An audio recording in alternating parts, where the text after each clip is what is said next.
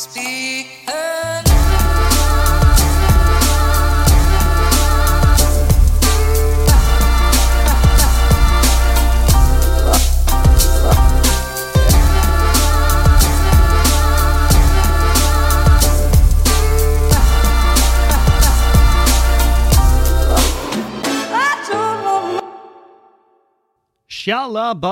og velkommen hit til Klagemuren. Mitt navn er Kevin Kildahl, og det er onsdag 3. november. Og jeg sitter eh, inne på et eh, veldig, veldig eh, Det er veldig trangt og veldig lytt, altså sånn her lydekkelt hotellrom. Og det er litt irriterende, for jeg tror på ekte at det kan gå utover kvaliteten på lyden, men jeg har ikke så jævla mange humornerder i det, som lytter til den podkasten. Jeg har en og annen som er sånn Å, du må skru ned eh, Du må inn på equalizeren, og så må du dempe hertzområdet fra dit til dit. Og, og jeg, tror at med fem timer googling og til syvende og sist å krype til korset og ringe alle lydkyndige folk jeg kjenner, så skulle jeg ha fått det til. Men eh, hvem er jeg til å fornekte et hertzområde? jeg diskriminerer ikke hertz. Um, så ja. Uh, velkommen hit. Jeg sitter uh, i Tromsø by, uh, og her har jeg vært og fulgt opp noen nykommere som, vi skal, som vi håper at det skal bli, til syvende og sist, noen fettbra nye komikere. Det er det som er planen vår. Det er derfor vi gjør det. Så da har vi hatt en, en workshop, som det kalles. og hva er forskjellen på workshop og kurs, Kevin? Kan ikke du fortelle oss da? For vi tror jo det er kurs du har holdt. Nei, for at kurs er noe jeg er bare er imot det. Kurs i standup. Jeg syns det Altså, du kan, du kan ikke lære noen å være artig. Uh, og det er den korte det er korte forklaringa. Um, Problemet jeg også har med kurs, det er at uh, veldig ofte så blir kurs holdt av uh, ja, kanskje ikke nødvendigvis uh, de beste komikerne i verden.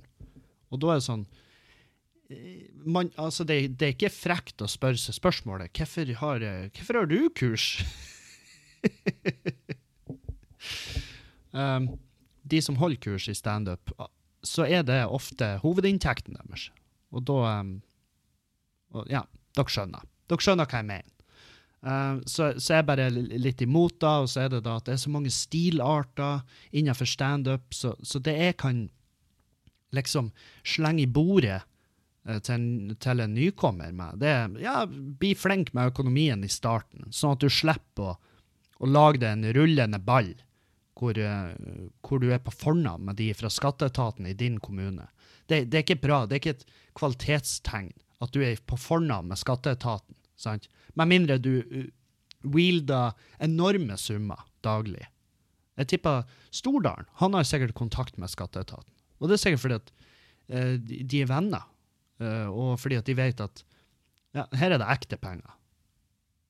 Mens jeg har kontakt med skatteetaten fordi at strengt tatt så har jeg vel tidvis vært kriminell når det gjelder min håndtering av aktiva.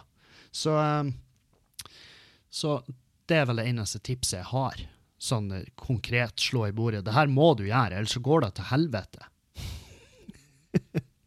Annet enn da så har vi liksom nykommere som er uh, Vi har uh, høy energi, og vi har lav energi, og vi har historiefortellere, og vi har vitsevitsere. Jeg, jeg, tror det kan, bli, um, det kan, bli, veldig spennende. Så i kveld skal vi um, Tre stykk skal på scenen for første gang. Så det, det er nok noen nerver i Tromsø by i kveld. Um, men jeg tror, jeg tror, det blir jo bra, basert på den workshopen i går. Og det vi gjør på en workshop, da, er jo ofte at vi bare sitter rundt et bord og drikker øl og prater standup. Og så presenterer vi ideer, gjerne som vi har, til biter vi har lyst til å gjøre på scenen. Og så kan de som sitter og hører på i klubben, de kan komme med sine innspill. Eh, den der. Eh, enn hvis du sier sånn i stedet for sånn. Uh, at du å, Var du på butikken? Er det ikke artigere hvis du var på ei møbelforretning eller på en abortklinikk? Ikke sant? Sånne innspill som, uh, som, uh, som, kan være gull, og det kan resultere i at materialet blir bedre. Um, og, ja, så det er vel da jeg har Det er vel da vi gjorde i går. jeg fetta meg på flyet og opp til Tromsø, kom på hotellet, og så så- Og em, dramatisk Kevin. Eh, men eh, også med god grunn. Eh, for det var sånn, jeg hadde noen møter i går, og så når jeg kommer inn på hotellet, så er jeg reist og jeg er svett, og jeg vil bare dusje. sant? Det er det eneste jeg vil. Når jeg lander en plass og kommer inn på hotellet, så er liksom pri nummer én det å vaske ræva. Og jeg kommer inn, og så sier hun, hun i lobbyen til meg at uh, vi, vi er ikke klar for innsjekk, uh, men kom tilbake klokka tre. Og, og da frika jeg ut. Jeg vet, tre? Det er jo fire timer til. Nei, det går ikke. Og så hun bare, ja, men sorry, vi har ikke noe rom. Og så sa jeg bare, du, ok, men da uh, Og da sa jeg, jeg sa også til henne, fordi at jeg er veldig fan av det her hotellet, Comfort Express. Så sier jeg, du, sorry, men da må jeg bare, jeg må bare sprenge og se om jeg kan få meg et rom en annen plass, for jeg må hoppe i dusjen før jeg skal i noen møter. Og eh, det, det var jo ikke noe, det var ikke noe, det, det var ikke sånn douchey av meg, og det var i hvert fall ikke det som var meninga, fordi at for det første så bor jeg her veldig ofte, så de vet hvem jeg er, og, og der. Og tabben jeg hadde gjort, var at jeg ikke hadde, altså jeg ikke hadde bedt spesifikt om tidlig innsjekk. Eh, Så det var jo ikke deres feil. Fordi at Comfort Express-hotellene, jeg tror egentlig de fleste Choice-hotellene jeg tenker meg om, har ikke innsjekk før klokka tre. Med mindre du ber om det. Og det her er, det er vel ja, kanskje tredje gangen jeg har gått i den der fella og glemt å be om tidlig innsjekk. Så jeg, jeg var bare på tur ut av hotellet, og jeg hadde på ekte litt panikk. bare, Faen, hvor skal jeg rekke alt det her? Um, men da eh, kom hun sprengende etter meg, som, som, en, eh, som den utrolig dyktige ansatte hun er. Og så sa hun du, slapp av, jeg skal, jeg skal gi meg noen minutter, jeg må bare gå opp og se om det er noe rom som er nettopp ferdig. Og da gjorde hun det, og så var det et rom. Tilfeldigvis var det nettopp ferdig. Og jeg kom inn på rommet og fikk dusja. Uh, og jeg tenkte bare sånn der uh, Ja, det er jo en eh, jo en drama queen. Adam Sjølberg har kalla han sa det til meg når vi var i Kirkenes og jeg gikk den horrible fjellturen. Uh, og egentlig resten av helga, fordi at det ene showet i Kirkenes gikk til helvete, og det andre gikk kjempebra. Og da sa han Adam til han bare, ja, sa han, Kevin, jeg er kanskje en, eh, tidvis en flamboyant homo, men du er den største drama queen jeg har møtt i mitt liv. Og, eh, og det gikk inn på meg, fordi at eh, av en eller annen grunn, og det kan være meg som er bare ignorant, men av en eller annen grunn så har jeg en følelse av at han har, han har opplevd noen drama queens i sin tid. Uh, så, Um, så jeg prøver å jobbe med det, men jeg, i går da var jeg på ekte stressa. fordi at jeg, jeg, altså, Du vet når du føler det bare så jævlig skitten. Sant? Det er sånn her Jeg har vært på fjelltur i to døgn, og så puler jeg på slutten av turen. Og så bare Det eneste tanken du gjør, det er at fy faen i helvete. Det eneste prioriteten jeg har nå, er å komme hjem og dusje. Sånn følte jeg meg i går. Og da var tanken på å skulle sette seg ute på kafé og i møter med samarbeidspartnere her i Tromsø, det er fullstendig utenkelig. Jeg var på tur å avlyse, liksom. Jeg var sånn, faen heller, hvis jeg ikke finner meg et rom nå, da må jeg bare avlyse de møtene. Så jeg bare, ja, sorry, det ble ikke sånn, vi kan ta det på mail. Um, ja, så... Men jeg er jo inne i den helvetesuka mi, uh, hvor jeg på mandag var jeg og tok uh, nye bilder til det neste showet mitt, som uh, etter planen skal komme høsten 2022. Og det tror jeg det blir. For jeg har ganske mye av det materialet klart allerede, og jeg gleder meg.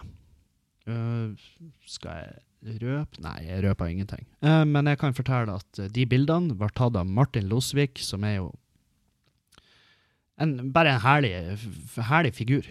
Fantastisk mann. Um, og han er dritflink å ta bilder. Og han tar bilder som er Ja, det går i en viss melan... melan hva det heter Melankoni? Melankoni? Jeg vet faen. Ikke prøv det på ord som ikke du Ikke prøv det på ord, Kevin, som er above your pay grade. Sant? Skjerpings. Si Han tar uh, mørke bilder. og der ble det altså en varieté av fantastiske bilder. Så tusen takk, Martin Losvik. Og dere som gleder dere til å se de bildene, gleder dere litt mer. Eh, og så har jeg sittet og prater om bilder av meg sjøl. I min egen podkast. Og jeg, og jeg prater om de som om det er den store premien til dere lytterne. Bilder av meg. Fra før av så egner ikke jeg meg nødvendigvis på et bilde. Sant? Jeg har såpass sjølinnsikt at jeg vet at det blir ikke noe Dressmann-reklame på meg. Sant? Det, det blir ikke å skje. Comfy Balls blir ikke å ringe meg og spørre om jeg kan hoppe rundt bassenget sammen med noen lettkledde horer der. Det blir ikke å skje. For jeg er ikke han fyren. Men jeg er bare så personlig veldig fornøyd med de bildene. Og vanligvis når jeg Og her er kanskje, hvis det er noen sier jeg skulle retta en kritikk mot eh, Losvik som eh, fotograf, så er det vel kanskje at han er litt for flink. Fordi at jeg har fått en mappa med 96 bilder. Og, eh, og jeg vil si at jeg elsker 50 av de, kanskje. 40 av de. Og det er for mange. Kan ikke ha 40 forskjellige plakater. Jeg kunne jo da, men eh, ja, det hadde jo også vært et slags konsept. Og så har jeg jo tusenvis av tanker om andre bilder som kan tas, og det, det er liksom det her. Og jeg legger altfor mye tanker og arbeid i de bildene. Det er ingen som Ikke nødvendigvis noen som ser på plakater og, eh, og det der, men for meg så betyr det litt. ok? Jeg, litt, jeg har lyst til å legge litt arbeid i det. Og det er fordi at Drittlivplakaten eh, er superenkel. Så fette enkel. Det er bare nada arbeid med den. Eh, det var et bilde tatt i Tromsø her av en åh, Jeg husker ikke hva han heter, men en veldig flink fotograf, hvor jeg står bare med handa opp mot hodet som om det var en pistol. Og på andre sida har han eh, Jan Tore Christoffersen lima inn og 'blood spatter', og så drittliv. Problemet med den plakaten var at den var tydeligvis for grafisk, så det var et helvete for meg. Og eh, markedsfør showet på Facebook. For når jeg la annonsepenger i det showet, da, så var det selvfølgelig en eller annen kunstig intelligens med noe elendig dyp læring som, eh, som hadde plukka opp de bildene og bare 'Å, det her er bilder av en fyr som skyter seg sjøl'. Så jeg Det er ikke kødd. Jeg holdt på mest Facebook-sida mi da, når jeg la ut Drittlivshowet. Jeg, jeg holdt på mest, altså Den Facebook-sida eh, den har over 30 000 likes, som vil si at den er Altså Den er såpass stor at den er verdt penger. Jeg kunne solgt den til jeg vet faen, Idar Vollvik, så han kunne selge noen sokker, noen terninger, noe fettskit der. ikke sant? Noe ompakka ansiktsmaske. ikke sant?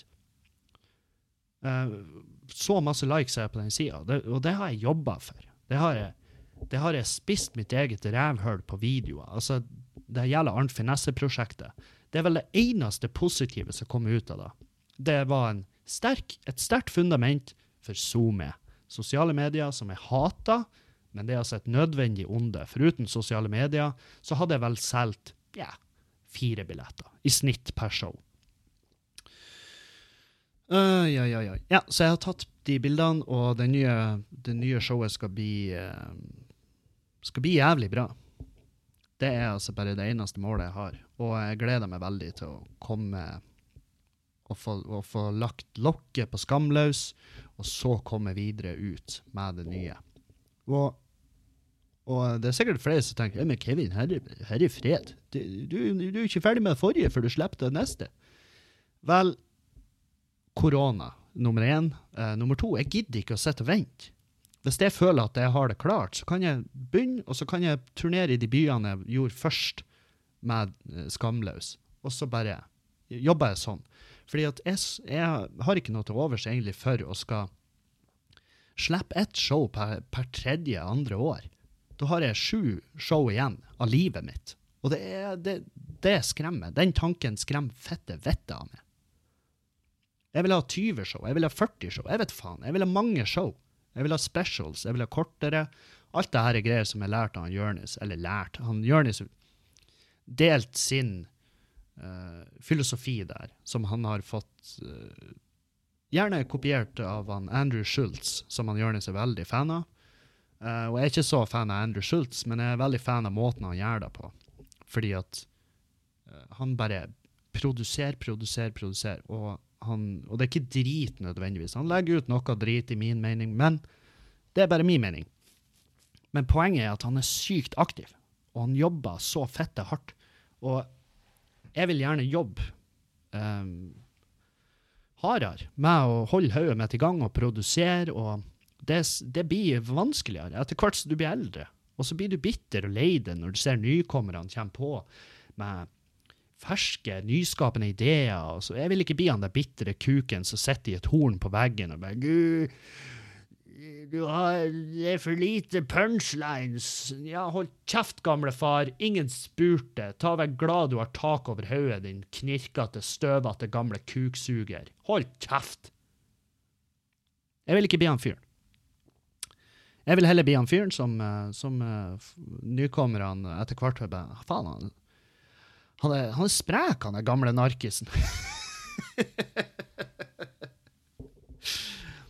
jeg vil være han, sant? Så, og, um, og, så vil jeg også at det skal være uh, Jeg vet faen. Jeg, i, en, I en periode der jeg føler meg som en artsy dude. Så, og derfor er Losvik en veldig fin fyr å jobbe med. da, for at, altså det, det er ingenting av det artsy snakket du kan si som skremmer han. Ikke sant? For han er typen du kan sitte uironisk og drikke en kaffe med, og så kan du si jeg har en visjon om at jeg vil uh, min, største drøm og mitt mantra det var kanskje det at uh, jeg har lyst til å slippe et show som, uh, folk, som folk tar med seg. At det kan bli litt sånn der At jeg kan gi det ut på DVD. Og så kan de ha det i hylla hjemme, kanskje. Og så kan de ta det fram når de føler seg litt kjip, men samtidig litt bra. For det er det det showet her skal handle om. Så jeg kan si det der, og han sitter og lytter og bare er umulig å si hva han tenker, og jeg vil kanskje ikke nødvendigvis bestandig vite hva han tenker, for, for, det er det verste som eh, Ja, det er en horribel tanke å, å skulle ha lest andre sitt, uh, sine tanker. Det er, man, man tenker kanskje at å, det har vært gjevt, men nei, nei, det er krise. Det er krise å høre andre sine tanker. Spesielt når jeg er i det hjørnet at jeg føler meg som en artsy motherfucker, fordi at det kan være kleint. Og det er det. Det er kleint som en Instagram-quote på, på, et bilde av et landskap skrevet i løkkeskrift i Powerpoint. sant? Og så legger du det ut på Instagram og bare 'Å, herregud, kom til meg for tips!' um, ja, nei, så, så, jeg tror de bildene blir jævlig feite. Uh, og, um, og jeg trenger fortsatt en grafisk designer. Hvis jeg har en lytter som er grafisk designer, vær så snill, ta kontakt med meg. Hjelp meg med plakater og alt det der driten der. Uh, the pay is not great, but the work is hard. Som alltid. Nei, jeg vil ikke, ha, uh, ikke nødvendigvis ha det gratis, men uh, jeg vil ikke gjøre det sjøl. Det, det, det, har noe med det her å se sine egne begrensninger. Slutt å legge ut Altså, Jeg må ikke bestandig ha mitt preg på noe, for til syvende og sist er det jo mine avgjørelser uansett. Så profesjonelle har liksom da bare gjort det på en måte det de har fått bestilt ifra meg. Så det vil jo bli mitt, sjøl om det ikke er så gjerda. Og det har jeg lært, heldigvis tidligere. Jeg tror jeg lærte det under Drittliv-plakaten, hvor jeg var sånn Helvete, den grafiske pakken her er jo verdt nada! og nå, etter å ha sett det, for jeg var på lørdag Uh, vi skal prate masse om uka mi, uh, forrige uka, for den var eventfull, den òg. Men uh, Ja, for jeg var og så Dag Sørås på Stormen på lørdag. Jeg hadde jo egentlig en gig på Mo, men den bare utgikk. Og så jeg, jeg har sikkert fått beskjed om det. her er også en, flink, det er en plass der jeg er veldig flink. Det er å la tvilen komme andre til gode, fordi at som regel er det jeg som kuker det til. Så jeg trodde at jeg skulle til Mo i Rana på en ølfestivalgreie på lørdag, men det var jeg, Og jeg ringte på tirsdag til, til hun Katrine på booking i Feelgood og bare 'Hei, du, hvordan blir det på lørdag?' Hun bare 'Hva du mener?' 'Nei, nå på lørdag, hvordan blir det? Når skal jeg møte? Hva skal jeg på med?' Ikke sant? Der, jeg var fette klar. Egentlig mest fordi at uh, ja, jeg liker øl, og jeg også liker penger. Det var en godt betalt jobb. Og så hun bare Ja, men du, det blir jo ikke noe av den. Har du ikke fått beskjed om det? Og da ble jeg pan panisk. bare, Hæ, jeg har ikke fått noe beskjed om det. Men hun var sånn, jo, jo, jeg er ganske sikker på at jeg sendte melding. Og, og så tenkte jeg, ja, det, det, selvfølgelig har du sendt melding. Du er jo fette proff. Det er jo jeg som er kuken her. Og så var jeg sånn, ja, det, det er min feil. Garantert. 100 garantert mye feil. Uh, men OK, da vet jeg da. Så da ordner jeg heller billetter, jeg fikk billetter, til meg og Julianne. Så får vi på Stormen. Og så så vi jo Isalill Kolpus varme opp foran Dag Sørås, og hun gjorde altså en faen meg en fette, fantastisk figur. Og um, Nei, hun er bare, hun er bare så jævlig bra. Eh, Så hvis du får muligheten til å se Isalill Kolpus, noe du får i kveld hvis du bor i Tromsø, skal vi på Prelaten. Nok om det. Uh, Men ja, ta eh, Hvis du får muligheten, se. Det er en rising star. Og og jeg er veldig stolt, for jeg føler at jeg har hatt kanskje 1% med det å gjøre. og jeg, jeg kan lene meg på 1% lenge. Jeg kan lene meg på den i årevis. Men ja. Nei, og det showet til Dag er jo bedre enn noensinne. Dette blir vel fjerde gangen jeg ser det, tror jeg. Og det er, bare, det er ikke sånn, jeg reiser ikke, jeg reiser ikke hakk i hæl med turnébussen til en dag og ligger i sovepose utenfor Mandal kulturhus. Ikke sant? Det gjør jeg ikke. Men hvis det er en plass, og jeg får muligheten til å se et show som jeg har lyst til å se, så gjør jeg det. Og eh, det har bare passa. Og to av showene var på skubba. Eh, men, men ja. Nei, det jeg liker, er at når du ser det showet så mange ganger, så, så fikk jeg bekrefta at det er ikke bare jeg. Det er ikke bare jeg som driver på og forandrer showet etter hvert som jeg reiser med dem. Um, og det er, jeg finner en trøst i det, for det har stressa meg litt at faen, Kevin, hvorfor kan du ikke bare la showet være i fred? Hvorfor må du inn og endre? Hvorfor må du gjøre de små tingene som du tror blir et bra grep, men så vil det her showet bli litt forandra fra det forrige gjengen som fikk se showet. Så prates de og bare 'Å, hva syns du om den biten om mobbing?' 'Mobbing? Hæ? Hva du snakker om?' 'Å, han snakka masse om mobbing.' Ja, hos oss snakka han masse om puling, runking. Ja, det gjorde han hos oss òg, men eh, det var noe, det var noe seriøse greier der. Sant? Sånn. Det, det er veldig dumt. eh, Jeg gjør det vel i en mye større grad enn Dag. Jeg, jeg kan tenke meg til at hvis du skulle ha tatt de to Skamler-showene jeg har gjort, som var mest ulik hverandre, så tipper jeg det hadde vært en tekstforskjell på rundt 60, 60 vil jeg si. Og det er litt for mye. for da, da er det basically bare et nytt show. Og, eh, og det som er den hardeste prøvelsen for min del Å, herregud, i det tunge, tunge livet mitt. Herregud, stakkars Kevin! Eh, den hardeste prøvelsen med å gjøre sitt eget soloshow mens du jobber med den neste, er jo at du har jo egentlig bare lyst til å ta de nye tekstene. Sant? Du har jo bare lyst til å bruke de, og så bare kjøre på med de. Men det blir for dumt. Det blir for dumt. Uh, ja. Nei, så um, Uansett. Jeg så det dagshowet. Jævlig bra. Så var det ut. eh, så var det relativt høy glassføring med Dag og Isalill og venninna ho og Julianne. og Det, det var et bra gjeng. Han Lydmann Steven er altså faen meg en legende. Jeg elsker den lille mannen der. Han er bare tvers igjennom god. Og eh, Så vi for ut på skubba, og så ble vi, jeg og Julianne ble jævla sliten. og så ja, så Vi avslutta relativt tidlig, i hvert fall jeg og Julianne. Jeg tror Dag og Steven var ute og lufttromma litt på byen. og delte ut klemmer. Men, eh, men det er nå greit. Og, eh, og eh, så på søndagen så var det Da tenkte jeg nå må jeg bare lade batteriene. Så vi og jeg synes så jævla synd på Julianne, for hun hadde arbeid på søndag, men samtidig så var jeg sånn, det kan ikke komme i veien for min batterioppladning. Så jeg lå bare Altså, jeg lå altså faen meg så djupt i den sofaen at det var så vidt jeg så over kanten på puta. liksom, Og, og så har jeg sett Dune. Dune. Dune.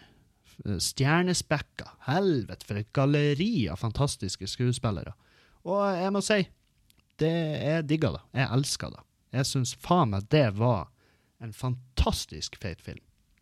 Så se Dune hvis du ikke har gjort det. De aller fleste har gjort det. Jeg har fått det anbefalt av så jævla mange lyttere. Så, um, og jeg tenkte så mange lyttere kan ikke ta feil, og det gjorde de ikke. Så jeg så jeg har sett Dune, og så var det mandag, bildetaking, ja, da har vi tatt det. Um, men det viktigste er jo um, forrige fredag. For da var jeg Da pakka jeg alt. jeg pakka i bilen. Eh, stereoanlegg og lys og banner og masse øl, masse vin. Og så kjørte jeg utover til Meløy, min hjemkommune. Der jeg er født og oppvokst, der jeg har gått oss eh, alt ifra barsel eh, Alt ifra unnfangelse, barsel, oppvekst, skolegang, første, første sex, første pupp jeg har tatt på, første Alt. Alt første, stort sett, har skjedd i Meløy. Der er jeg vokst opp. Der har jeg masse, masse, masse gode venner, og masse Ja, altså, det, det er en det er en kommune jeg har hatt uh, altså det, Hjemplassen min har jeg hatt et ambivalent forhold til veldig lenge, men det var kanskje fordi at Det var vel der jeg, jeg var, ble sjuk første gangen. Og uh, ja, jo, og alle har jo kjipe opplevelser fra hjembygda, men det er jo ikke hjembygda sin feil nødvendigvis. Det er veldig ofte din egen. Så. Og jeg har jo sagt mitt, og jeg har sagt mye rart om Meløy. Jeg har sagt uh, Jeg har kritisert, og jeg har ja, jeg har sagt stygge ting om Meløy, men hvem som ikke har sagt stygge ting om heimplassen sin? Jeg nekter å tro at det finnes en Glom... Altså, for jeg gjorde det i Glomfjord kulturhus i Glomfjord. Og jeg nekter å tro at det finnes, altså at det er én innbygger i Glomfjord som ikke har sagt noe negativt om Glomfjord. For det er virkelig Det er ikke, det er ikke en nydelig plass. Men det er jævlig mye bra folk. Og de kommer, og de støtta opp. Og eh, jeg gjorde showet i Kulturhuset i min egen heimkommune. Jeg hadde lagt ut eh, ja, hva det var, 384 billetter. Vi solgte vel 123, og det var 103 inne. Og eh, ja, det er lite folk. Det er lite folk. Det var ikke noe særlig plussprosjekt, det her. Men det driter jeg i, for det var så fette bra. Det var så jævlig god stemning. Og det var jo et sluttalag, et spleiselag, så vi trilla ut øl, og så bare hadde vi et dritfett show. Og Dan varma opp, og Dan hjalp meg eh, med opp- og ned-rigg. og Ja, det var Men det er noe spesielt med å liksom For vanligvis når jeg reiser rundt og gjør show, så ringer jeg Kulturhuset og hei, kan jeg komme og gjøre show? Og så sier de hvem faen er du? Og så sier jeg stol på meg, og så sier de nei takk. Men av og til så kommer jeg gjennom, og da får jeg en dato og et tidspunkt. De bare ja, møte opp da og da, så tar vi en lydsjekk. OK, og så møter jeg opp da og da, så tar vi en lydsjekk, og så gjør jeg showet mitt, og så drar jeg derifra. Men sånn er det ikke i Meløy, for det er ikke et bemanna kulturhus. Så det du gjør, er at du leier kulturhuset. Du sender en melding 'Hei, kan jeg få leie kulturhuset den datoen?' Så sier de ja, det kan du, for det er ledig. Og så Drar du utover på den datoen, så blir du gjerne møtt av verdens hyggeligste vaktmester. Altså han fyren der på Glomfjord kulturhus, han må Ah, OK, jeg skal prøve å beskrive det. Han fyren der er så hyggelig og blid at jeg ble suspekt. min, min, første tanke når jeg prata med han, jeg var sånn Du, jeg kjøper deg ikke. Hva, hva er det Jeg var sånn Nei, jeg skal ikke lukte på den kluten du har der. Altså, jeg var så jævla blid og fantastisk, er han fyren der. Og uh, jeg må bare Hva han heter han? fortjener jo en shout, for han uh, gjør faktisk jobben sin bedre enn de aller fleste gjør noen jobber. Og han heter for Nils Arve òg. Helvete, for en fantastisk mann. Men det, ja. Du, det er sånn det er i Meløy. Det er ikke bemanna nødvendigvis, det Kulturhuset. Det, de har muligheter til det, men ikke på mitt show. Og det skjønner jeg. Det gidder ikke å krangle på. Og det, det, legger egentlig bare til rette for mindre risiko. ikke sant? Med en gang du har lydteknikere, med en gang du har folk eh, som er artistverter og husverter og vakter og sånn, ikke sant? så påbeløpte kostnader. Og med tanke på billettsalget, så er jeg veldig glad vi ikke hadde noe mer kostnader.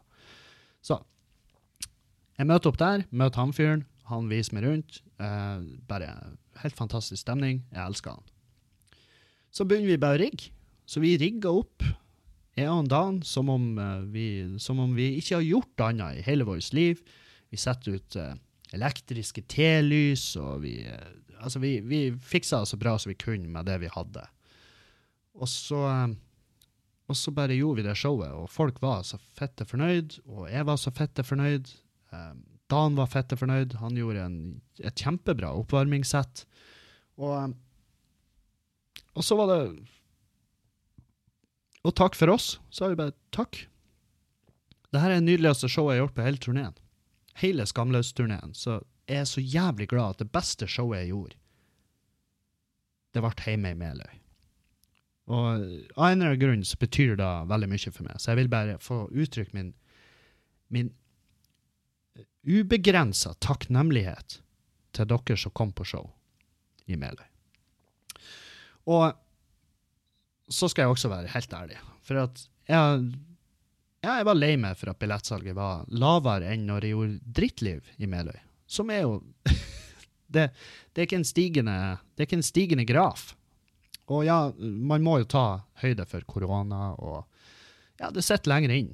Eh, Jeg har nevnt det 40 ganger, men eh, Norstat, eller hva faen, Statistisk eh, sentralbyrå, eller hva nå enn, de har gjort en undersøkelse, og 93 tror jeg var, sa eller 95, altså stort sett alle, sa at det satt lenger inn hos de å delta på kulturarrangement, sjøl om restriksjonene var fjerna. Og det kan jeg gjerne gjemme bak, men sann, sannheten er vel at jeg er ikke så jævla profilert i Meløy, og det, da må jeg heller bare jobbe hardere med det, og det har jeg lyst til å gjøre. Men jeg hadde en Og det her er sånn Og det her er på grunn av den angsten jeg hadde for det showet. For fram til showdagen så hadde jeg vel solgt 70 billetter. Og jeg var sånn her, hva faen er det som skjer? Hva er det? Er det er det kommet ut en video i Meløy som jeg ikke har fått med meg, hvor jeg sier noe horribelt fettskit, eller eh, hva, er det som foregår her? Men det er jo veldig typisk i utkanten. Eh, Kjøp i døra. Kjøp i døra-mentaliteten, den er altså faen meg det verste jeg vet om. Det, det er så jævlig horribelt. Uh, jeg må jo se om jeg har tid. Ja, men hva faen? Dere Hvis uh, og nå, Ikke at det er Metallica, men poenget er at når det kommer ut noe du har virkelig lyst til å se, så får du det som regel til å passe. Så poenget er jo da at eh, er en som B-vare, sant? Ja, hvis er makaroni i skuffa på kjøkkenet, sant? Ja, faen, vi er fri for mat. Ja, det blir makaroni i dag. Sant? Og det er greit nok. Det er helt OK, for det kommer folk. Og så lenge det kommer folk, så er jeg fornøyd. Um, men jeg hadde, av den angsten hele den uka, jeg har diaré, og jeg har gått og spydd, jeg har vært så angstfull jeg har for det showet hjemme i Meløy. Og når jeg våkna om dagen og pakka i bilen, og jeg bare pakka jeg seriøst bilen fette full og kjørte Meløy for 70 stykker, og ja, selvfølgelig gjør jeg det. Men jeg tenkte med en tanke at jeg skal si det også på scenen, og det, og det er også det er også en rar ting. Det å gå på scenen og så begynner du å kjefte på de som faktisk har kjøpt billett. Det blir jo veldig kontraeffektivt, og det skal jeg ikke gjøre. Og jeg takker alle for at de kom. Men jeg hadde også tenkt å si eh, farvel Meløy. Liksom sånn. For jeg var sånn, OK, jeg har jo pusha hardt i Meløy. Det har jeg, så alle vet hvem jeg er. På et eller annet nivå vet de aller fleste der hvem jeg er. Når de ser meg, så bare Ja, faen, er ikke der han fyren? Ja, nettopp. Um, og um,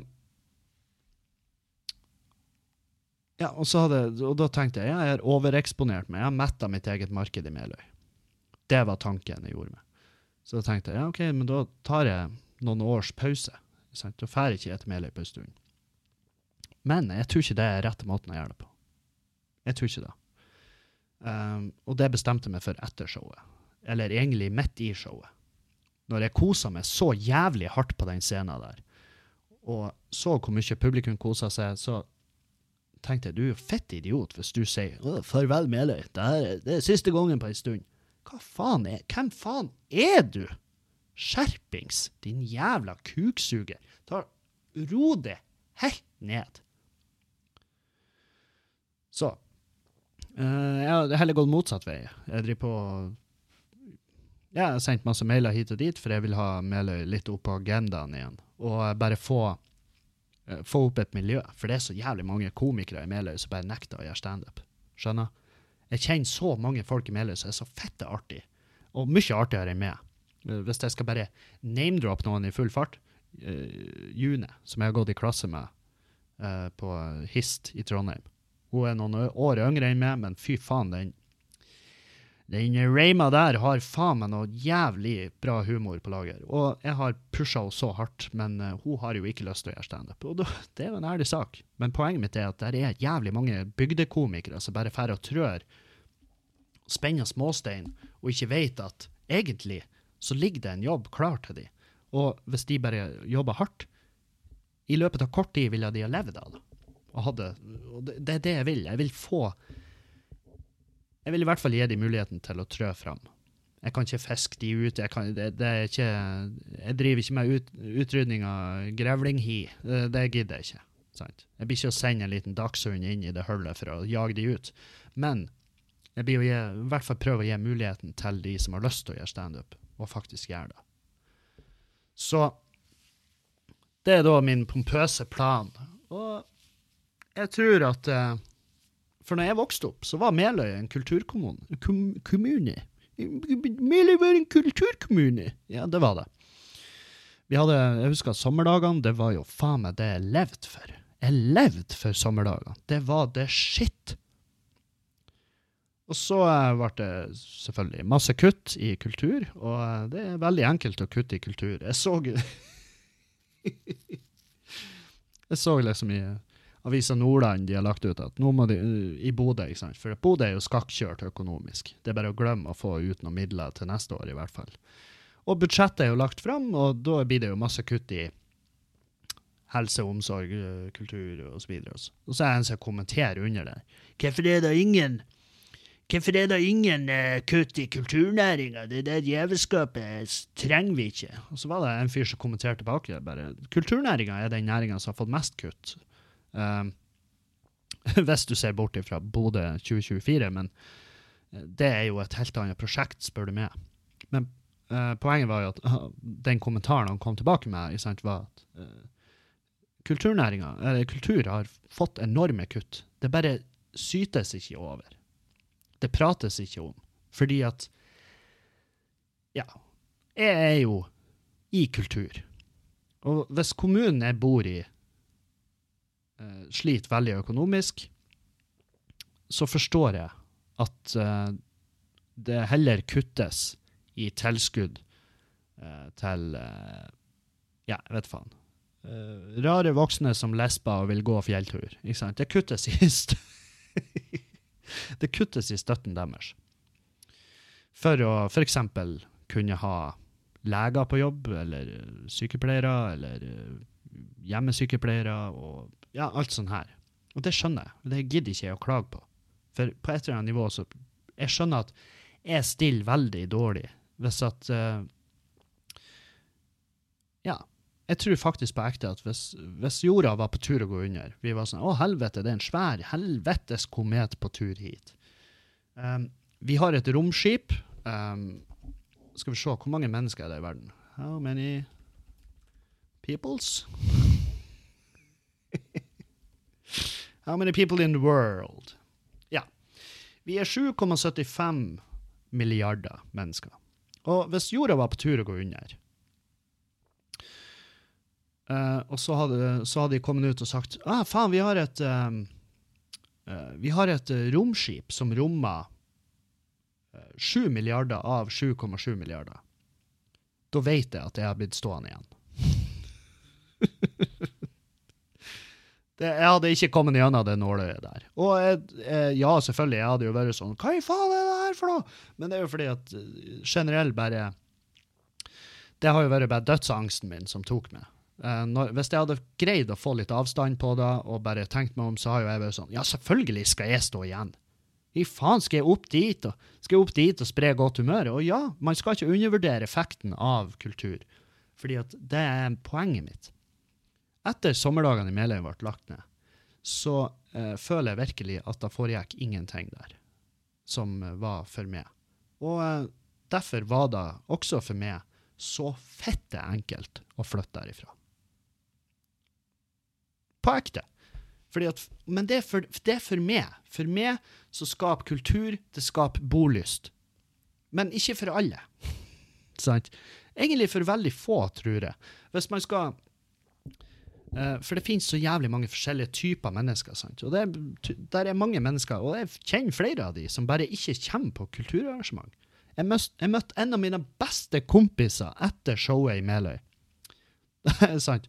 Jeg kommer av scenen, vi rigga ned og rydda. Vi fikk hjelp fra publikum til å rigge ned, fordi at de var så jævlig keen på å ha oss med på puben. Og, jeg, og hvem er jeg til å nekte noen å hjelpe til, når alkohol er gulrota i en av den pinen? Så for vi ned på puben, og der møtte jeg en av mine absolutt beste kompiser. Uh, og jeg var sånn Hei, er du her? Ja, jeg, har, eh, vært på fest hos uh, der, Bertha. Å ja, se, bor ikke hun her i Glomfjord? Han bare, ja, jo, hun bor her, rett opp for det. Jeg bare, ja, ok, men jobber ikke dere i lag? Jo, jo, vi jobber, vi har samme skift. Ja, nei, jeg har nå vært og gjort showet mitt nede i Kulturhuset her. Eh, Og han bare, ja, jeg vet. Og så ble det sånn, ja, hvorfor kom du ikke? Han bare, nei, jeg, ble han rar, for han, veldig rart at han ikke så den kom. Jeg ville vært forberedt som faen. Jeg hadde jobbet ut et svar for lenge siden. Uh, men han hadde ikke det. God bless him. Um, jeg sier, du kunne jo sendt meg melding, du har jo fått billett selvfølgelig, hvis det er penger det står på. Men nei, Kevin, du vet at jeg tjener godt, jeg har det veldig bra økonomisk. Jeg bare, ja, men helvete, jeg prøver jeg å gi deg unnskyldninger, men du bare, de bare preller av det som vann på gåsa. Hva faen er det som skjer? Hvorfor? Jeg, var sånn, seriøst, vi har jo ikke sett hverandre på nesten et år. Og, så fær du heller, når jeg da kommer til Kulturhuset, har med meg en Dan, som du også er fette god kompis med, og så drar vi på Kulturhuset og gjør show, og du har gratisbilletter liggende med ditt navn på. Eh, og så drar du heller på fest hos eh, noen fra skiftet ditt. Det var vel et hyggelig gjensyn fra lunsjen tidligere i dag. og han var sånn Kevin, jeg har bare på ekte ikke lyst. Og det la da dødt for min del. Jeg ble ikke fornærma. Jeg var sånn Å ja, ja si det da. Helvete. Så jeg slipper å stå og maser og føler at uh, og, og føler at du gir faen og hater meg. For det er jo det der lille drama queen-hodet mitt uh, lager av scenario. Ja, han liker ikke meg. Det er derfor han ikke kommer på show. Nei, for han har ikke lyst. Og det er en kjempeærlig sak. Helvete, det massagerer uh. Eh, kjente og kjære og nære folka med gjør som jeg bare ikke har lyst. Forskjellen er vel at eh, Forskjellen er vel kanskje at uh, jeg er flinkere å si det. Jeg er flinkere å på en måte bare si Du, jeg har, jeg Hvis de begynner å grave Du, på ekte, jeg, det er ikke for meg. Og det er en veldig fin setting. Det er ikke for meg. Fordi at eh, av en eller annen grunn så høres du bare automatisk mye mer reflektert ut når du sier 'det er ikke for meg'. Og da, for da kan de gjerne tenke 'ja, nei, da er det ikke for han'. Og det er egentlig alt jeg trenger. Men ja, uansett. Eh, skal, ha masse tilbake til Meløy, og jeg har planer for å ja, for å i hvert fall få opp standupen i Meløy. Noe mer enn da kan ikke jeg gjøre. Og jeg skal ikke påberope meg at uh, sta oh, Kevins standup-show i Meløy, der han tar masse artister og setter dem opp på Kulturhuset, det skaper bolyst. Nei, men la oss si at det, har, at det bidrar med en promille av bolyst til de som bor der. Da, har jeg, da har jeg lyktes i det jeg skal gjøre. Så ja. Den planen min om å bare avskrive, det var pompøst, det var narsissistisk, og det var egentlig bare lada med bitterhet, fordi at det kom lite folk. Men jeg tror på ekte det kommer mer folk neste gang. Og hvis det neste gang jeg setter opp show i Meløy, hvis det kommer 70 stykk, da da er, den, da er den grafen så tydelig at, at da vet jeg at jeg har Hvordan blir matematikken der? Ja, det blir to show til. To et hardt show til, så er det ingen der. Og da skal jeg slutte. da, skal da skal jeg la Meløy hvile. Um, nei, så bare for å avrunde hele. Tusen takk, Meløy. Det var faen meg en sann glede å stå hjemme igjen. Og det er kjempedeilig å si. For veldig ofte er de showene hjemme det er de showene som har mest angst kobla opp mot seg. Og det har jeg fått kjent. For den uka der, jeg må ha gått ned i vekt. Jeg, jeg har altså vært på dass i en eller annen kapasitet til hver tid. Og som egentlig var veldig greit, for da har jeg fått øva meg veldig masse på den revtørkinga mi, som nå, nå begynner å bli bra. Begynner å bli bra. Kevin, begynner å bli, Kevin har fått dreisen på det. Eh, det er det jeg sier. Det, det, det, jeg skal kjøre en kampanje på det for å eventuelt finne andre der ute eh, som tørker feil vei, og så kan jeg liksom bare kjøre ut en Facebook-annonse. Slik fikk eh, Kevin dreisen på beisen. Etter en Hvor fett idiotisk. Uh, ja. Uh, jeg bor jo jeg snakker jo veldig mye om de Choice-hotellene, for jeg syns Choice-hotellene er den beste kjeden. Det er veldig hyggelige folk som, som de har gjort godt arbeid med og trena opp. og De har veldig følelsen at ah, det her er mitt hotell, og det er kjempebra. For da når du kommer dit, uh, for det første, de ansatte finnes ikke noe piss. Um, og, at, og, de er bare ærlige med det.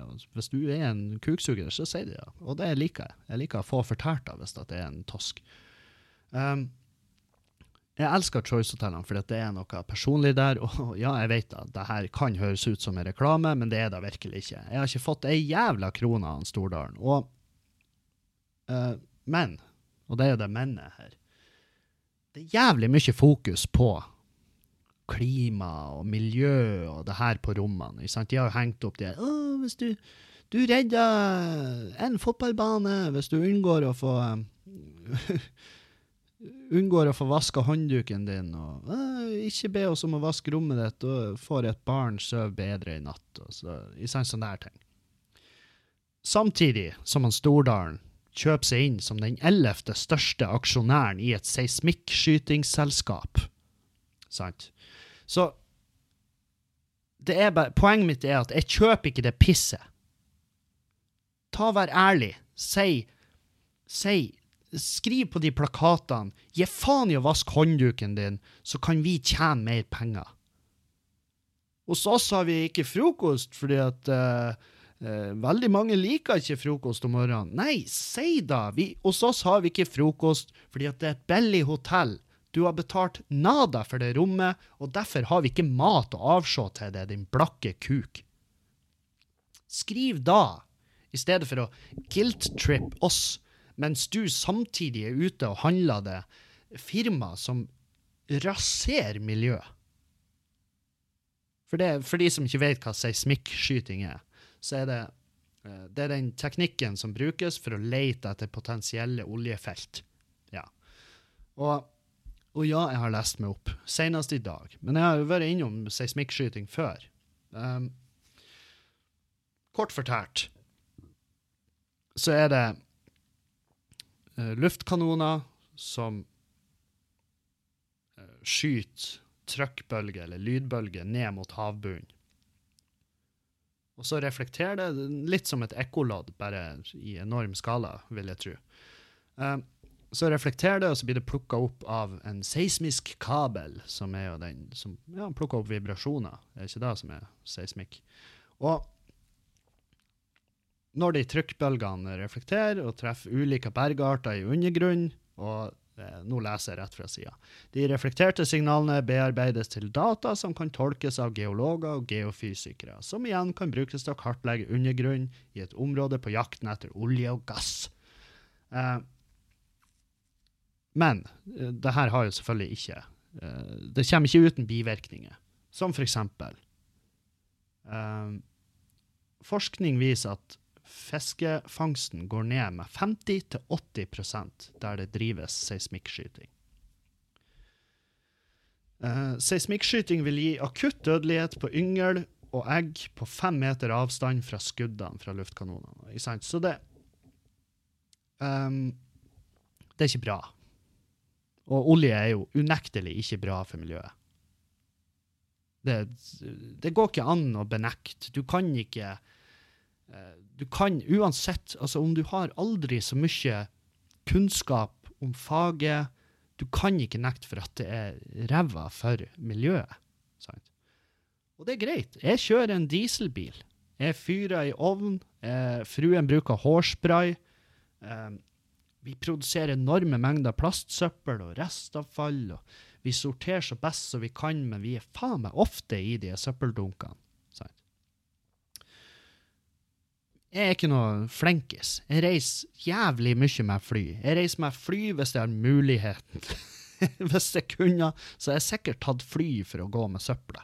Så jeg er ikke noe, jeg er ikke noe uh, uten videre bra dude, jeg heller. Men jeg går ikke, jeg går ikke og maler et bilde av meg sjøl som da. Skjønner? Bare, Bærekraft er sykt viktig for oss. Bærekraft er det beste vi vet. Å, seismikkskyting! Helvete, det er fett! 80% av fisken er borte! Yes! Og ja, hvor er fisken? Jeg tipper han er skremt og har stukket en annen plass. Og det er sikkert det beste argumentet for at seismikkskyting er ufarlig. Men eh, det er jævlig surt for de som eh, bruker å fiske i de områdene. Samme som Jeg husker den her, jeg husker den oppdrettsdokumentaren. Og han der eh, og, og hvordan det raserer områdene rundt der, med det avfallet som kommer fra merdene. Og eh, han der eh, rekefiskeren som hadde nettopp skaffa seg en fette ny rekebåt og skulle ut og fiske og bli faens storkar. Og så samtidig så bare dumpa de den gifta. Altså det De bare dumpa sånn masse avfall eh, fra det merdefeltet der, rett ut i havet. Og det ble jo dokumentert. Det er jo ulovlig. Um, og han fyren kunne fortelle at han har ikke fanga ei reke på to år. Og det å se den eh, desperasjonen i blikket hans Og så har du kommentarfeltet. Ja, Fisk en annen plass, da. Slutt å syte. Ja, det er en veldig enkel måte å si det på, men eh, poenget er at det, man, man forstyrrer det som er naturlig. Og ja, skal vi, nå, skal vi kutte olje og laks? Hva faen? Altså, Norge var jo et u-land helt fram til vi fant olja. Og det er ikke noe Altså, der er jo Jeg har sett kopier på nett av de her plakatene som hang rundt i USA. Hjelp Norge. Hjelp Doner penger, så vi kan hjelpe nordmenn. Og nå er vi fette størst i verden, sant? Vi er fette, vi er filthy rich. Eh, alle som bor i Norge, er en del av 1% fordi at vi bor i Norge. Um, og da Ja, og så, vi, så møter vi opp på klimatoppmøter og, og hytter med nevene og Faen meg skjerp dere, Taiwan! og uh, mens vi samtidig uh, oppdager nye felt. Det var vel Sist i forrige uke ble vel funnet et felt utenfor Trøndelag, og du kan være trygg på at vi skal skal faen meg ha hver ei dråpe av den olja der nede. Og, og det er det som har, det har sørga for at jeg kan sitte på det her hotellrommet og prate i en mikk og føle meg som faen til kar. Og, å, Kevin, han tar, de, de kampene ingen tør å ta, bare at han mangler kunnskap om faget. jeg veit ikke. Jeg vet på ekte ikke. Folk spør meg er du imot olje. Ja, jeg er imot ideen om olje. Jeg vet da faen hva jeg er imot. Selvfølgelig vil jeg ikke at vi skal Jeg vil ikke at vi skal være avhengig av olje. Jeg vil at olja skal bare bli en greie som vi ikke trenger lenger. Men jeg vet ikke hvordan. Jeg vet ikke hvordan. Så det eneste jeg vil, er at han Stordalen skal bare innrømme at han, han gir fullstendig satan i miljøet. Det er det eneste jeg vil. Norge fikk jo på det klimatoppmøtet verstingprisen. Um, og den heter for Dagens fossil. Jeg digger det. Uh, Climate Action Network, uh, som, uh, som, deler ut den hver dag på klimatoppmøtet i Glasgow.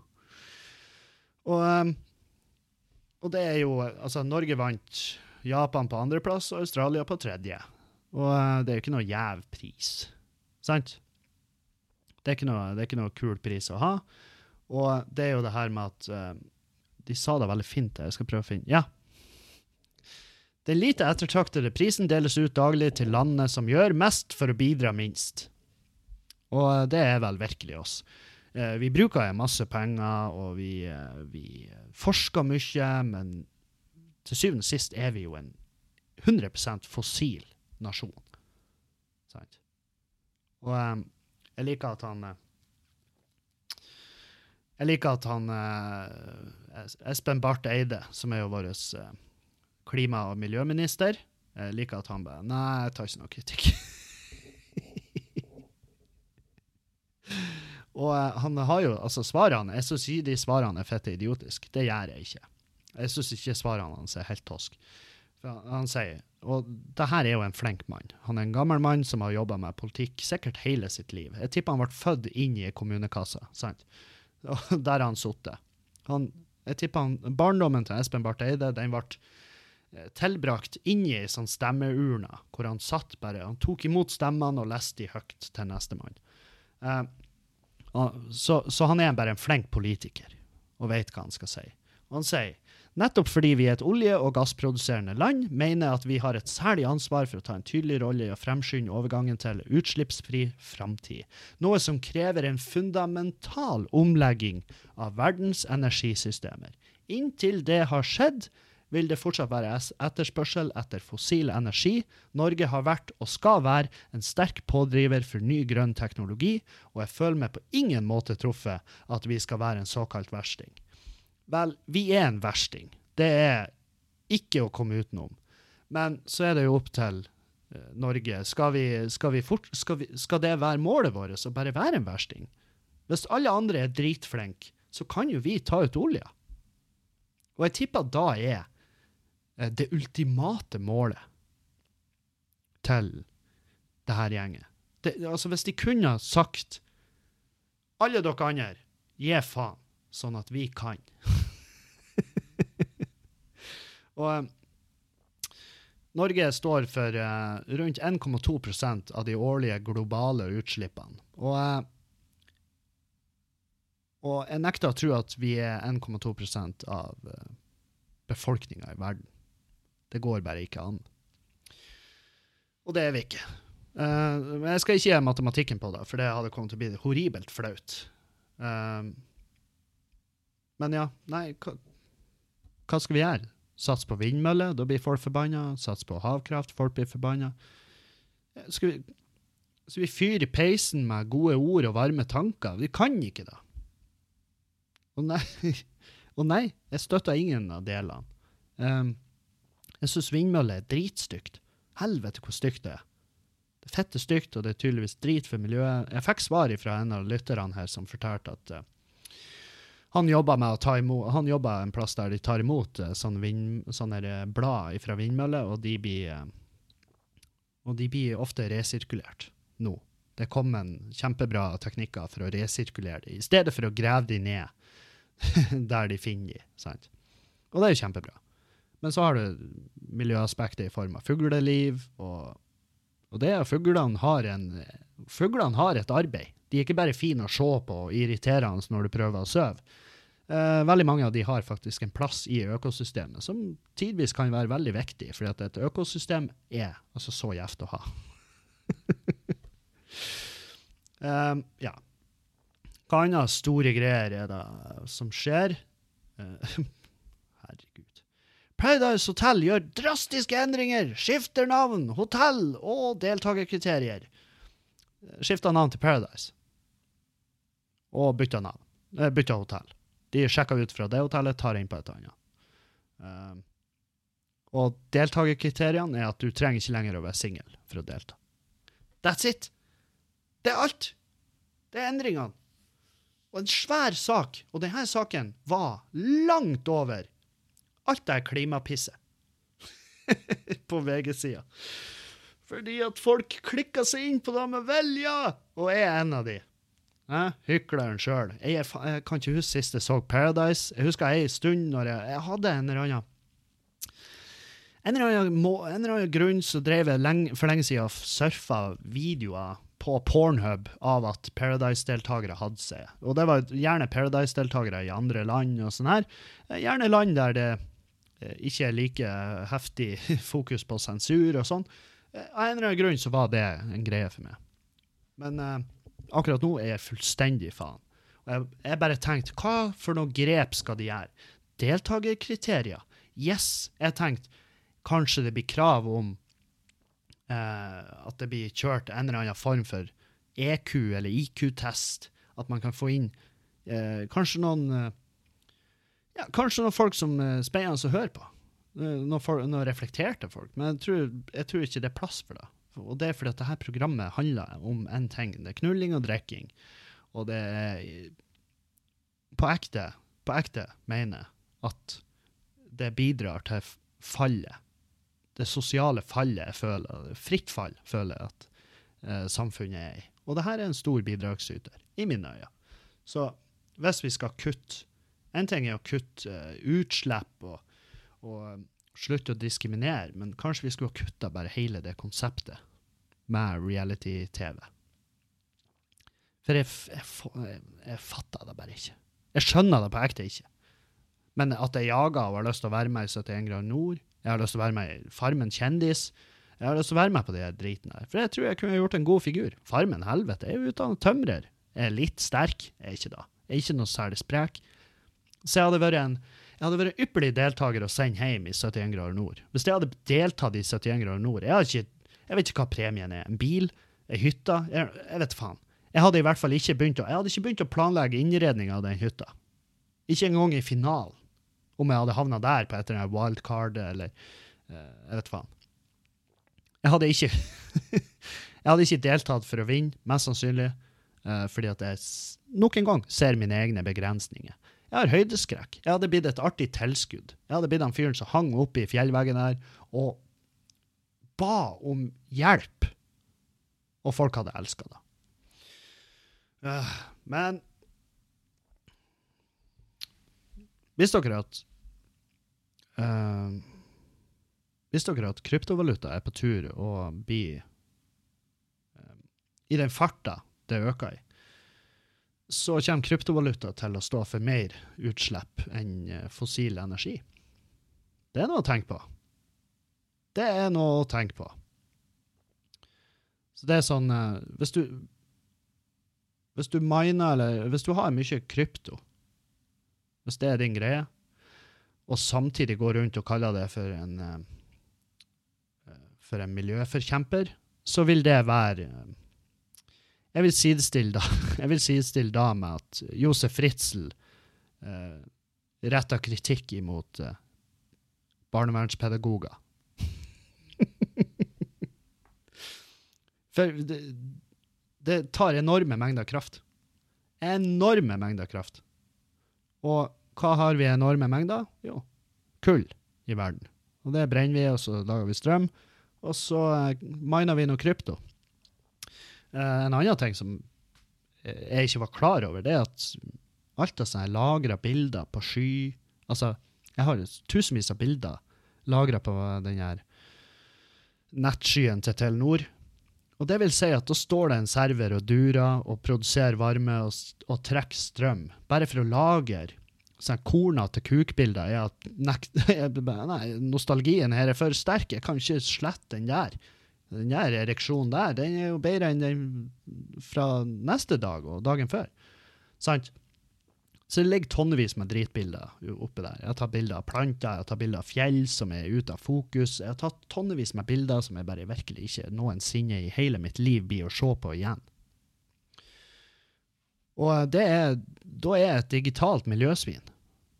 Julianne sa Hva var det hun sa? Og jeg vet ikke hvor hun har fått det fra, om det stemmer, det vet jeg. Men hun sa noe sånn at hvis alle hadde sletta ti mailer, så hadde det Så hadde det Det hadde senka belastninga på nettet generelt. Altså sånn eh, på servere rundt omkring. Det hadde, det hadde minska utslipp.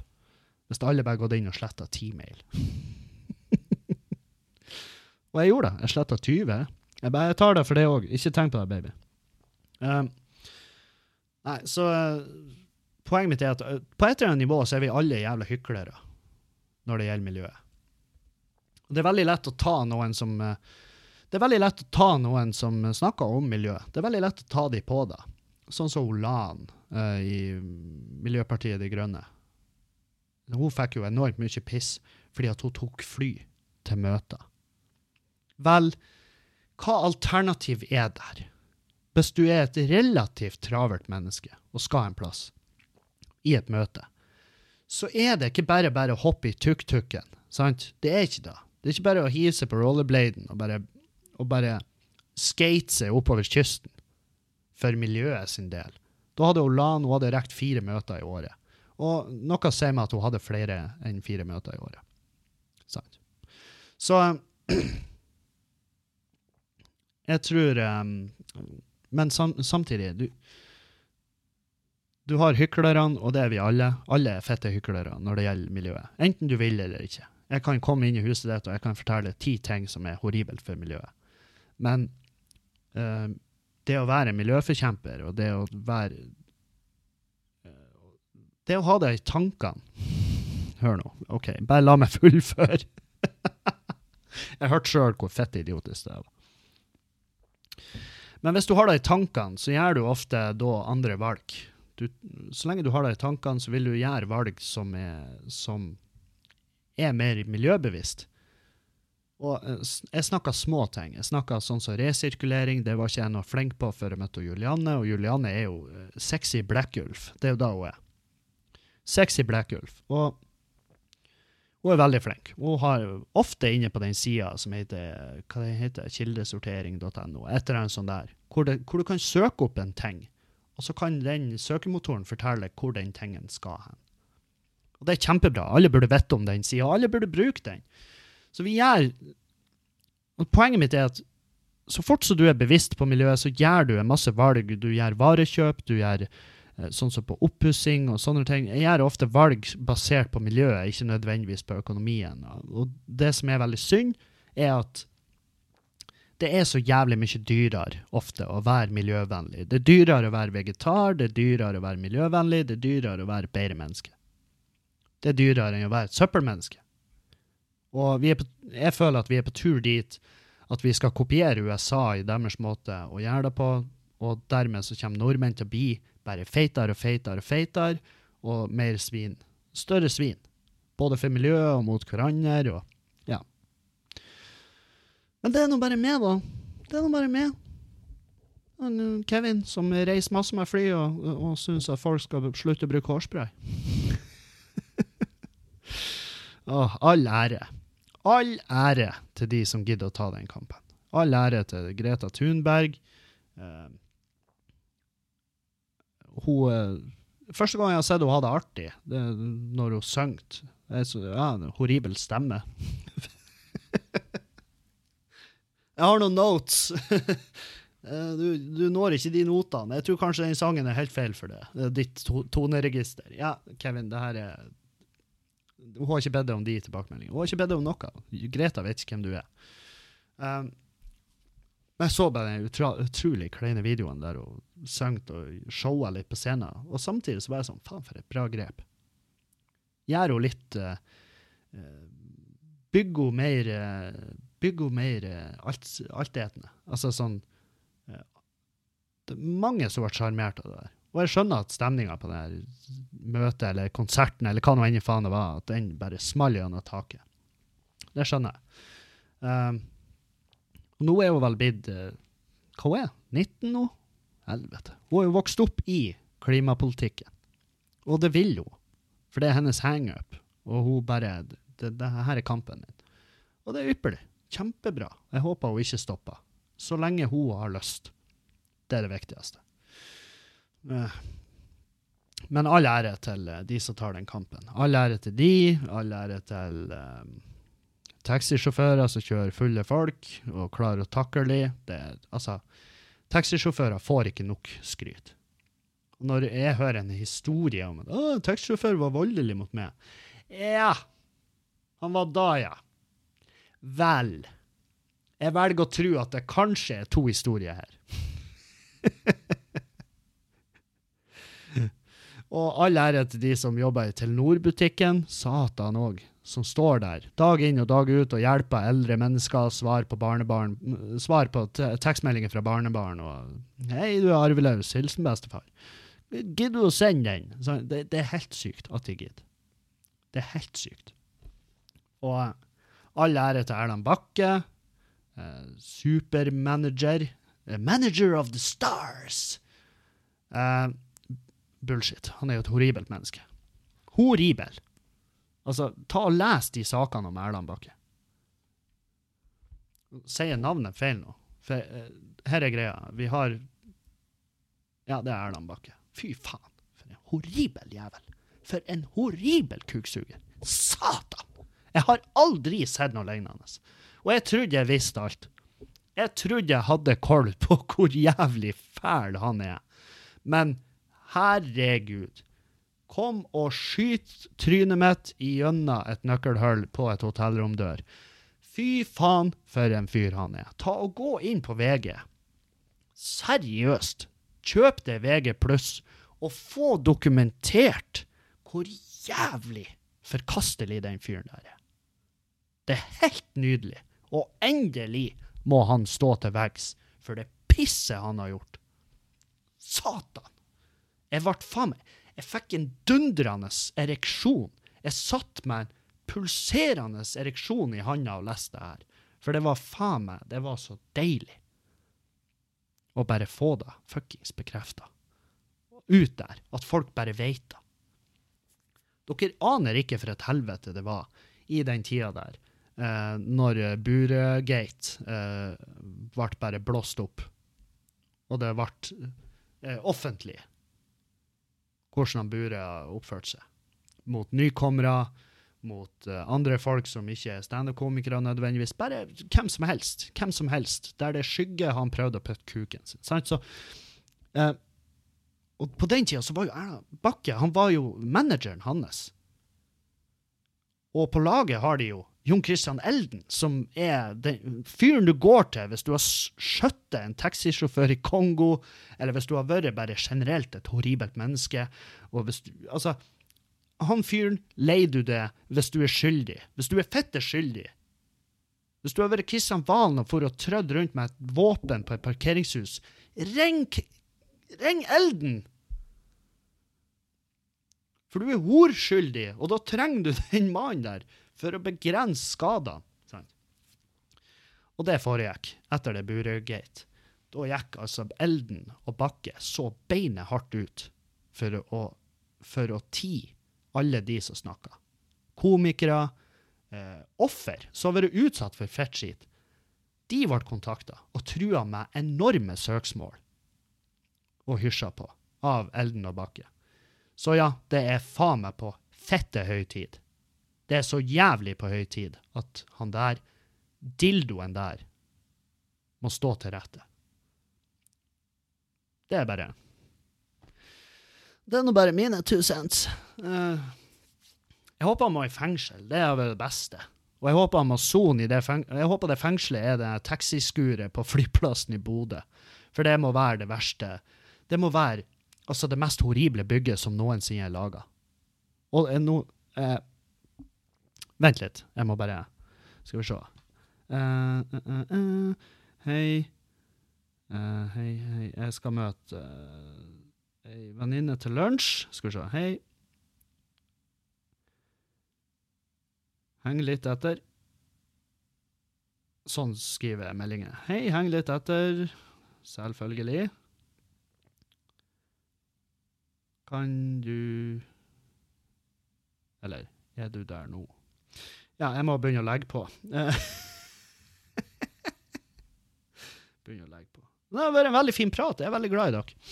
Men eh, ja, bare før jeg avslutter, så Så det, det, det er taxiskuret på Bodø lufthavn. Altså, hvis det er sol ute, så er det helt jævlig. Da er det et drivhus. Hvis det er vind ute, så er det det kaldeste rommet i noen Altså, du, ta med deg noe dit hvis du skal stormfryse, da. Fy faen, altså. Det må rives, det skuret der. Jeg håper bare noen i Bodø hører det her og kan sette meg i kontakt med rette folket. Sånn at vi kan få revet det jævla bygget der. For jeg, jeg sto der nå sist når jeg kom hjem fra lange jævla reisa mi. Jeg kom hjem, og jeg måtte stå ute i det skuret der, og jeg, jeg var sikker på at det her er faen på tur å dø. For det var så kaldt. Og den vinen bare blåste. Folk hadde rim i bart og skjegg og pupper. Det så faen ikke ut der inne. Folk var redde. Folk brøt seg ut. Bet, For vi står i en sånn innhegning òg. Sånn, sånn der eh, Sånn der crowd handling-gjerder. Sånn at ikke vi skal snike i taxikøen. Problemet da er at hvis du står midt i taxikøen og vil ut av det der torturkammeret, et drittbygg de har satt opp utenfor flyplassen i Bodø, ja, da kommer du deg ikke ut. For du har gjerne med deg bagasje, og da må du slå i hjel 15 mennesker for å komme deg enten den ene eller den andre veien. Så ja, ta fuck off med det bygget der. Og så vil jeg rett, rette en, eh, en stor helvetes takk til møbelnazien. Uh, møbelnazien er en, eh, en uh, forvidrig på nå på skubba og prøver å freshe opp litt i første etasjen. Gjør det litt uh, hva jeg skal si, gjør det litt varmere, gjør det litt triveligere å være der. Uh, tiltaket er jo å bruke masse penger på f.eks. plastplanter. Visste dere at plastikkplanter er noe av det dyreste i verden? Det, det, jeg tror vi kan leve på da etter olja, men plast er vel laga av olje, ikke? Ja, Nok om det. Møbelnazien er en Begynt som en lytter, senere blitt en mann jeg har massiv respekt for, og en god venn. Uh, han er bare en bra dude. Og han, uh, og han har uh, vært innom på skubba og gitt oss masse råd. Masse råd om hvordan vi kan gjøre små grep som ikke koster for mye penger, som vil gjøre det mye triveligere der. Og fyren der han har peiling på møbler og interiør. Satan for en legende han er. Så bare stor jævla takk til han Espen, eller møbelnazien som jeg kaller han. For han, for han, han er en stor mann, skalla, ser veldig skummel ut. Men, um, ja, jeg, jeg sa her, å helvete, har du tid å være her og se på møbler? Er ikke du og hive stein ned i Stavanger? Ikke sant? Han, er, han er Men han er verdens varmeste, herligste mann. Jeg elsker han. Og, og jeg liker folk som kan faget sitt. Jeg syns det er så jævlig sexy. Når folk kan faget sitt og bare messer om det, jeg kan høre på det i timevis. Hvis det, er, hvis det er bare folk som kan det de holder på med. Og han der jævelen, han kan det. Virkelig. Så stor takk til det. Uh, skal vi plugge litt? Er ikke det greit å gjøre på slutten her? Uh, det er bestandig en god idé å plugge, fordi at det trengs. Uh, nå i dag så er det Humorrazzia. I dag, onsdag den tredje, så er det Humorazzia uh, på Prelaten i Tromsø. I morgen så har jeg privat arrangement i Verdal. Fredag den 5. så skal jeg til Sortland. Ui, ja, det gleder jeg meg til. Det blir jævlig fett, så kom dit. Uh, lørdag den 6. skal jeg til Ballangen i lag med Silje Myhre, som er en jævlig flink komiker fra Narvik. Dæven, der måtte jeg Nei, hun er fra Harstad. Faen òg. Sorry. Sorry, Silje. Uh, og neste onsdag, den 10., så kommer Pernille Haaland til Bodø. Pernille er en norsk komiker, men som har bodd i England kjempelenge og gjort engelsk standup der, og gjort veldig god suksess med det. Hun er veldig dyktig. Og er Kevin Kildahl skal varme opp for henne på engelsk. So, if you wanna get some English comedy in you, then uh, show up at Skubare uh, 10th of November. It's me, Kevin Killall and Pernille Haaland. Dere skjønner hvordan det blir. Det blir helt uh, Det blir noe spesielt. Så, torsdag den 11. har jeg fri. Jeg har fri! Satan, hvor deilig! Og så den 12. november så skal jeg til Narvik, på Narvik kulturhus. Kjøp billetter. Det er ikke solgt uh, Det er ikke solgt for bra, for å si det sånn. Så vær så snill, hvis du bor i Narvik, kjøp billetter. Kom på show. Uh, 13. november, dagen etter Narvik, skal jeg da eh, naturligvis til Harstad. Harstad kulturhus. Og der òg, vær så snill, kom på show. Kom, kom, kom, kom. kom. Og ja, det er vel det jeg gidder å plugge nå. 20. november skal jeg til Lovund. 21. november skal jeg til Træna. 26. november skal jeg til Lurøy. 27. november skal jeg til Sandnessjøen. Så jeg, tar, jeg inntar faen meg Helgeland. Helgeland jeg står altså virkelig for fall, skulle jeg si, under meg. At det tar over. Nei, jeg digger det. Jeg elsker det å kunne gjøre litt uh, gigs på Helgeland. Det har jeg null problemer med. Så det var vel det jeg rakk. Og så må jeg bare få takk for følget, og tusen hjertelig takk til alle som har sendt meg så masse fine meldinger. Jeg kjempeglad i dere. Vi høres igjen til neste uke. Adjø, adjø og auf Wiedersehen.